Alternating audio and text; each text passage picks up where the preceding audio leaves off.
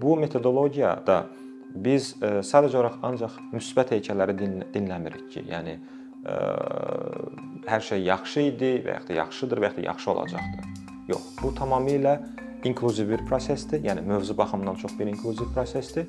Çünki biz eyni zamanda münaqişədən əvvəl, münaqişə dövründə və münaqişədən sonra eyni zamanda gələcəklə bağlı insanların müsbət və mənfi heykəllərini və yaxud onların düşüncələrini biz alırıq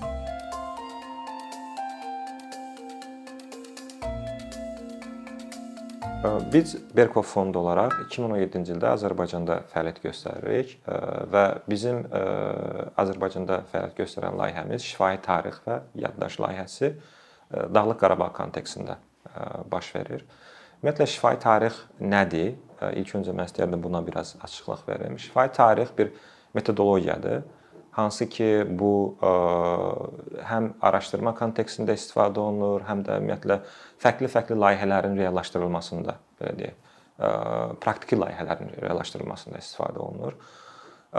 Və bu tək konflikt prosesində, konflikt kontekstində yox, müxtəlif mövzularda istifadə olunur. Bu ola bilər hər hansısa bir belə deyək də hakimiyyətin və ya da hökumətin dövründə baş verən müəyyən bir vacib bir hadisə ilə bağlı ola bilər. Və yaxud da bu ola bilər hər hansı bir dövrdə tarixdə baş vermiş bir xalqa qarşı və ya da bir etnik qrupa qarşı etnik təmizləmə və ya da genosidlə bağlı ola bilər və şifahi tarix metodologiyası bəzən belə deyək travma sağalması ilə bağlı və yaxud da hekayə danışılması metodologiyalarla tamamilə fərqlənir. Amma şifahi tarix metodologiyası bu heç bir bu iki komponentin heç birisinə aid deyil. Çünki belə deyək, hekayə danışılması daha çox belə deyək də kiminsə hekayəsini, səs yazısını belə deyək də fərqli bir adamların adından danışılması məsələsidir. Travma sağaldılması tamamilə bir belə deyək də tamamilə fərqli bir metoddur və onun belə deyək də biz Berkov fondu olaraq bu istiqamətdə belə deyək də ixtisaslaşmamışıq. Çünki tamamilə ağır bir mövzudur. Amma şifahi tarix metodologiya olaraq, yəni konfliktlər mövzusunda, yəni bir neçə belə deyək də 10 illiklərdir istifadə olunur. Daha çox indiyə kimi istifadə olunub post münaqişə belə deyək dövründə, yəni münaqişələr artıq belə deyək də hərbi və siyasi kontekstdə bitəndən sonra onun belə deyək də insanların baş verən hadisələri ilə bağlı öz xatirələrini paylaşması və refleksiyaları ilə bağlıdır. Amma biz Berkov fondu olaraq bunu həm Azərbaycanda, həm Gürcüstan, Abxaziya kontekstində, Bosniya-Herseqovina kontekstində həm belə deyək də davam eləyən o cümlədən post münaqişə yəni bitmiş münaqişələr kontekstində istifadə eləyirik. Və deyərdim ki, bu daha çox həm də konflikt transformasiya aləti kimi belə deyək tanınır. Bu konflikt transformasiya aləti kimi, yəni digər konflikt transformasiya metodlarından belə deyək fərqlənir. Nəyə görə fərqlənir? Çünki bu metodologiyada biz sadəcə olaraq ancaq müsbət heykəlləri dinləmirik ki, yəni hər şey yaxşı idi və ya da yaxşıdır və ya da yaxşı olacaqdır. Yox, bu tamamilə inklüziv bir prosesdir. Yəni mövzu baxımından çox bir inklüziv prosesdir. Çünki biz eyni zamanda münaqişədən əvvəl, münaqişə dövründə və münaqişədən sonra eyni zamanda gələcəklə bağlı insanların müsbət və mənfi heykəllərini və yaxud onların düşüncələrini biz alırıq Bunu necə edirik? Texniki baxımdan biz audio formasında alırıq. Bu tamamilə video müsahibələr deyil. Və biz başlayırıq sonra bunu biz öz metodologiyamızdan belə deyək də istifadə eləyərək, yəni Berkov fondunun özünün çizdiyi, yəni cızdığı o metodologiya ilə biz onları artıq bir epizod halına salırıq. Biz buna epizod deyirik. Və sonradan onun biz transkriptlərini çıxardırıq və fərqli-fərqli qruplarla və fərqli cəmiyyətin fərqli kəsimləri ilə biz bunun müzakirələrini çıxardırıq. Yəni müzakirələrə çıxardırıq və onu daha detallı belə deyək, müzakirə eləyirik. Ümumiyyətlə belə deyək də şifahi tarix metodologiyası konflikt və ya da sülh mövzusuna niyə vacibdir? Biz buna bu suala belə deyək bir çox istiqamətlərdən baxa bilərik. Birinci bizim səs yazılarını aldığımız respondentlərin kontekstindən baxsaq, yəni bu respondentlərə və ya da münaqişədən birbaşa və dolayısıyla daha çox birbaşa mən deyərdim, əziyyət çəkmiş və ya da münaqişənin və ya da müharibənin hissəsi olmuş insanların həyat hekayələrini belə deyək, biz onu həm tarix üçün saxlayırıq, yəni yaddaşa saxlayırıq. Eyni zamanda indiki gəncliyin və ya da indiki cəmiyyətin müxtəlif yaş qruplarında olan insanların müzakirəsinə çıxardırıq. Eyni zamanda bu metodologiya bizə imkan verir ki, biz bunu gələcək nəsillərə ötürək. Və bu belə deyək də metodologiyanın özəlliyi ondan ibarətdir ki, biz o dövrdə baş vermiş hər hansısa bir hadisə ilə bağlı biz hansısa bir belə deyək, araşdırmaçının, alimin və yaxud da ki, belə deyək də yazıçının, yazarın dilindən və fərqli bir mənada desəm təhrif olunmuş bir formada yox və yaxud da dəyişdirilmiş və kontekstindən çıxardılmış çıxardılmış bir formada yox, real həmin o respondentin dediyi bir formada, emosiya ilə, tonla, işlətdiyi sözlərlə biz onun və yaxud da necə yaşadığını biz görə bilirik. Və bu bizə tamamilə fərqli bir baxış verir. Münaqişəyə baxış verir. Deyə bilərsiniz ki, məsələn, sülh yaratma prosesində və ya da dialoq prosesində mənfi hekayələrin dinlənilməsi niyə vacibdir? Biz düşünürük ki və Berkov fond olaraq düşünürük ki, insanların ağrı-acılarını eşitmədən hər hansı bir davamlı sülhə, xüsusilə davamlı sülhə nail olmaq çox çətindir və demək olar ki, mümkünsüzdür və biz o insanları belə deyək, kənarlaşdıra bilmərik. Sülh bu insanlarla gələcəkdir.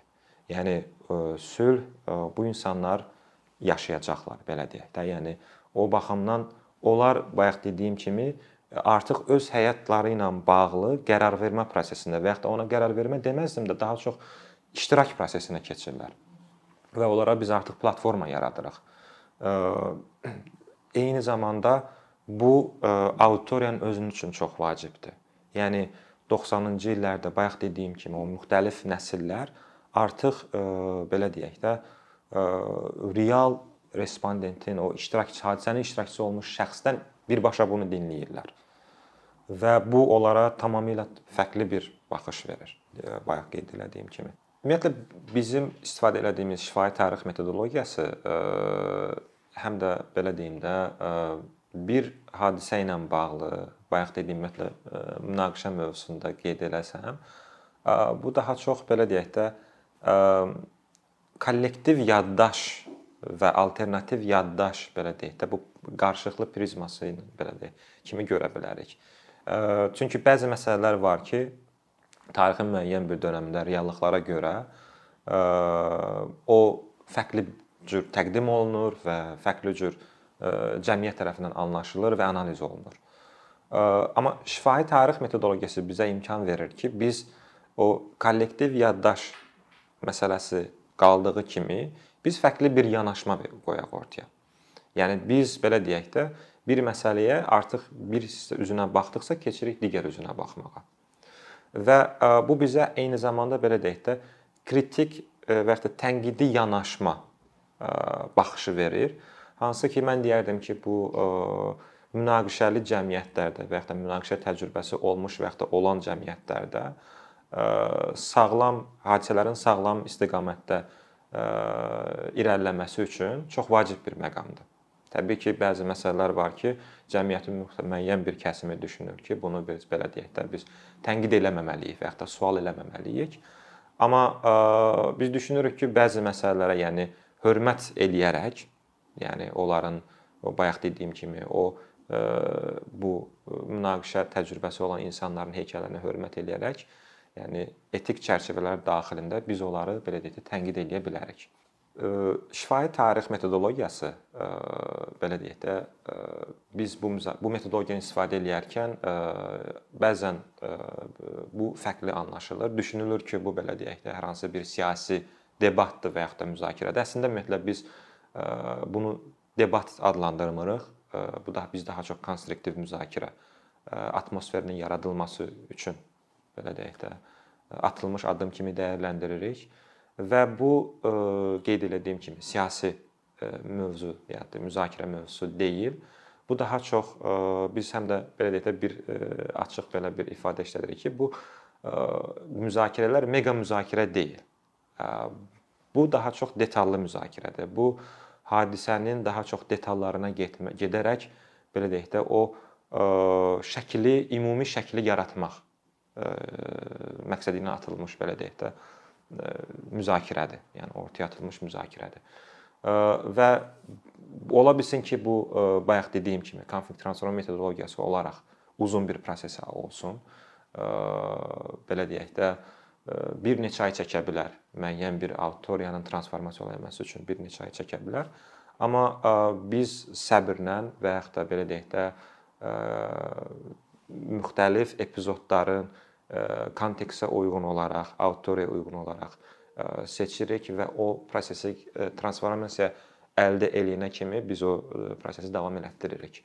Və həmçinin bu metod və ya metodologiya ona görə vacibdir ki, biz belə deyək də bu materialları canlı şəkildə o respondentlərin dilindən səs yazı formasında alırıq və bunu biz belə deyək də gələcək nəsil üçün həm də saxlayırıq. Belə deyək 30, 40, 50 ildən sonra artıq bu səs yazıları insanların belə deyək də gələcək nəslin eşidilməsi üçün əlverişli imkan olacaqdır.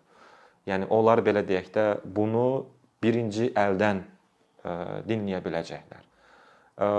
Və biz indi prosesi davam elətdirərək biz bunun şahidi oluruq. E, nə qədər belə deyək də təəssüf doğursa da bunu mən deməliyəm ki, artıq bizim bu son 2017-ci ildən bu dönəmi kimi biz respondentlərlə daimi şəkildə çalışırıq ki, kommunikasiyada olaq və bizim respondentlərin müəyyən bir hissəsi artıq dünyasını dəyişir. Yəni təbii şəkil olaraq dünyasını dəyişir. Və onlardan bizə qalan belə deyək də bu səs yazılarıdır. Hansı ki biz düşünürük ki, bu çox vacib bir belə deyək materialdır. Bayaq qeyd etdiyim kimi bu metodologiya bizə müəyyən bir məsələ haqqında fərqli bir baxış sərgiləyir yəni biz hadisənin biz bir tərəfindən müəyyən bir dönəm baxıb görə bilərik və onun həqiqət olduğunu düşünə bilərik. Amma biz bu həm hekayələr, həm cəmiyyətin özündə, yəni mən xüsusilə danışıram münaqişəli cəmiyyətlərdən, yəni cəmiyyət daxili o hekayələri dinləyəndən sonra orada bizim üçün müəyyən bir detallar aydın olur. Biz daha çox belə deyək də məsələnin digər aspektlərinə gedib çıxırıq və bunun növbəti mərhələsi, yəni bu sülh və dialoq layihəsi olduğuna görə növbəti mərhələsi artıq qarşı tərəflə, yəni bizim o eşitdiyimiz davamlı şəkildə eşitdiyimiz o hekayələrin artıq qarşı alternativi nədir? Biz onu görməyə çalışırıq. Təbii ki, bu belə deyək də hansısa bir ə, hekayənin həqiqət olub olmaması demək deyil. Yəni biz sadəcə olaraq o eşitdiklərimizi müzakirə eləmək e, istəyirik. O baxımdan da Berkov fondu olaraq biz e, paralel şəkildə e, Dağlıq Qarabağda yaşayan e, ermənilərlə də e, bu proses davam elətdiririk. Yəni paralel e, prosesdir e, və düşünürük ki, gələcəkdə e, biz bu e, belə deyək, hekayələrin qarşılıqlı dinlənməsini və yaxud da mübadiləsini təşkil eləyə bilər. Bu təbii ki, o dialoq mərhələsində ilkin atılmış addımdır. Yəni e, ikinci ilkin addım atılmış addımdır. Çünki birinci artıq biz burada belə deyək də biz o hadisələrə artıq fərqli bir e, tərzdə baxırıq və müzakirə eləyirik. Bu baxımdan da mən düşünürəm ki, gələcəkdə bu belə deyək, münaqişənin növbəti həll olunmasının növbəti mərhələlərində bu materiallar bizim üçün, bu hər iki icma üçün davamlı sülhün bərpa olunması üçün çox həyati bir amildir. Bizim bu layihəni yəni münaqişənin hər iki tərəfində keçirməyimizin əsas məqsədi ondan ibarətdir ki, bu layihə daha çox həm də gələcəyə fokuslanmış bir layihədir. Yəni biz artıq belə deyək də post müharibə dövrünə keçmək mərhələsindəyik və bundan sonra belə deyək də həm siyasi proseslər, həm də yerli və regional belə deyək də siyasi gedişatlar onu göstərir ki, artıq müəyyən bir ümidlər var ki, biz yeni bir dönəmə çıxacağıq. Yəni sülh dönəminə və ya da davamlı sülh dönəminə belə deyək, irəliləyəcəyik, yəni cəmiyyət olaraq və bu regionda yaşayan insanlar olaraq. O baxımdan da biz düşünürük ki, bu bizim məhsullar gələcəkdə davamlı sülhün qurulması və qorunması üçün atılmış bir addımdır. Bayaq da qeyd elədim. Yəni gələcəkdə müharibədən əziyyət çəkmiş insanların heykəllərini tanımadan və onlara hörmət eləmədən, yəni məsəl üçün deyim, Xocalıdan olan bir insanın hekayəsini qəbullanmadan, yəni biz düşünürük ki, sülhün qurulması çox çətindir, çox mümkünsüzdür.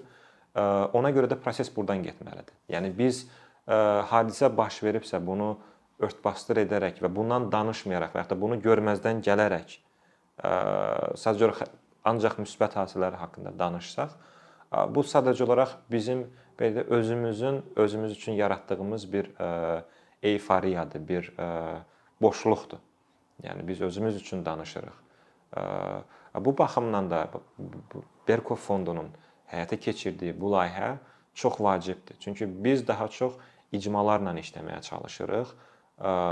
İcma üzvləri ilə işləməyə çalışırıq ki, o insanlar birbaşa olaraq bu prosesdə iştirak eləsinlər və onların həyat heykəllərinin nəinki özləri üçün, cəmiyyət üçün və dünya üçün nə qədər vacib olduğunu görsünlər və eyni zamanda gələcək e, nəsillərin sülh şəraitində yaşaması üçün o hadisələrin, o heykəllərin və ya da o epizodların nə qədər ə, önəmli faktor olduğunu ə, dərk eləsinlər ə, və onu belə deyək də digər insanlarla paylaşsınlar. Biz başqa bir ə, bunu biz başqa bir formada belə deyək də bunu ə, ifadə eləsək, biz daha çox çalışırıq ki, ə, Dağlıq Qarabağda, ümumiyyətlə Qarabağ münaqişəsində baş vermiş hadisələr yəni hadisələri biz o məişət kontekstindən çıxardıb ictimai müzakirələrə gətirə bilək. Yəni biz bilirik ki, məcburi köçkünlər, müharibədən əziyyət çəkmiş insanlar öz hekayələrini danışırlar, amma onlar bu hadisələrə daha çox belə deyək də ya yasda, ya toyda öz ailə üzvləri ilə və yaxud da öz qonşuları ilə, yəni öz dostları ilə o keçmiş insanlarla bir-birinə görüşəndə danışırlar. Amma biz çalışırıq ki, bu hadisələri, bu hekayələri artıq daha bir üst səviyyəyə çıxardaq və ictimai şəkildə bunların müzakirəsini təşkil eləyək.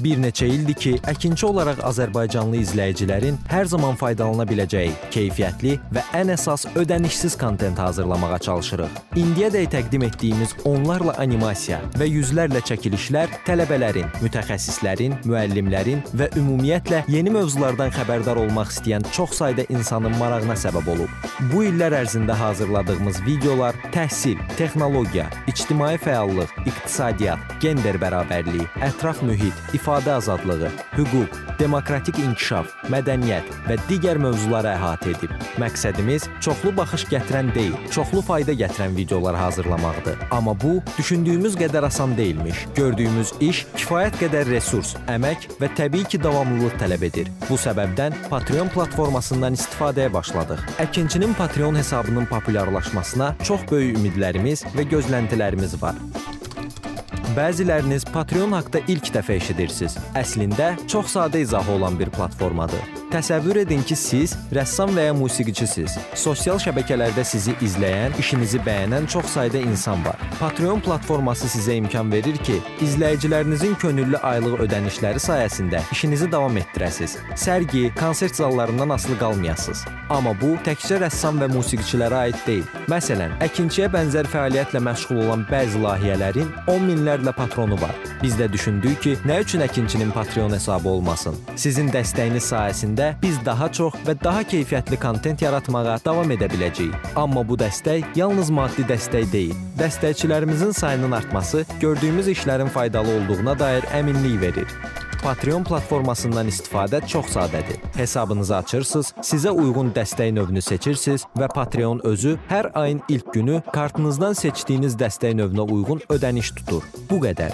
Sonda onu demək istəyirik ki, dəstəkçilərin sırasına qoşulmaq istəyən, amma məhdud imkana görə bunu edə bilməyənlər narahat olmasın. Daha öncə dediyimiz kimi, bizim əsas məqsədimiz daha çox insanın hər zaman faydalana biləcəyi keyfiyyətli və ödənişsiz kontentin yaradılmasıdır. Bunun üçün mütləq patronumuz patronumuz olmalısınız deyə məcburiyyət yoxdur. Amma imkanınız patron olmağa çatırsa və bizim işimizi bəyənirsinizsə, patronlarımızın sırasına qoşulmağınız bizim üçün çox önəmlidir.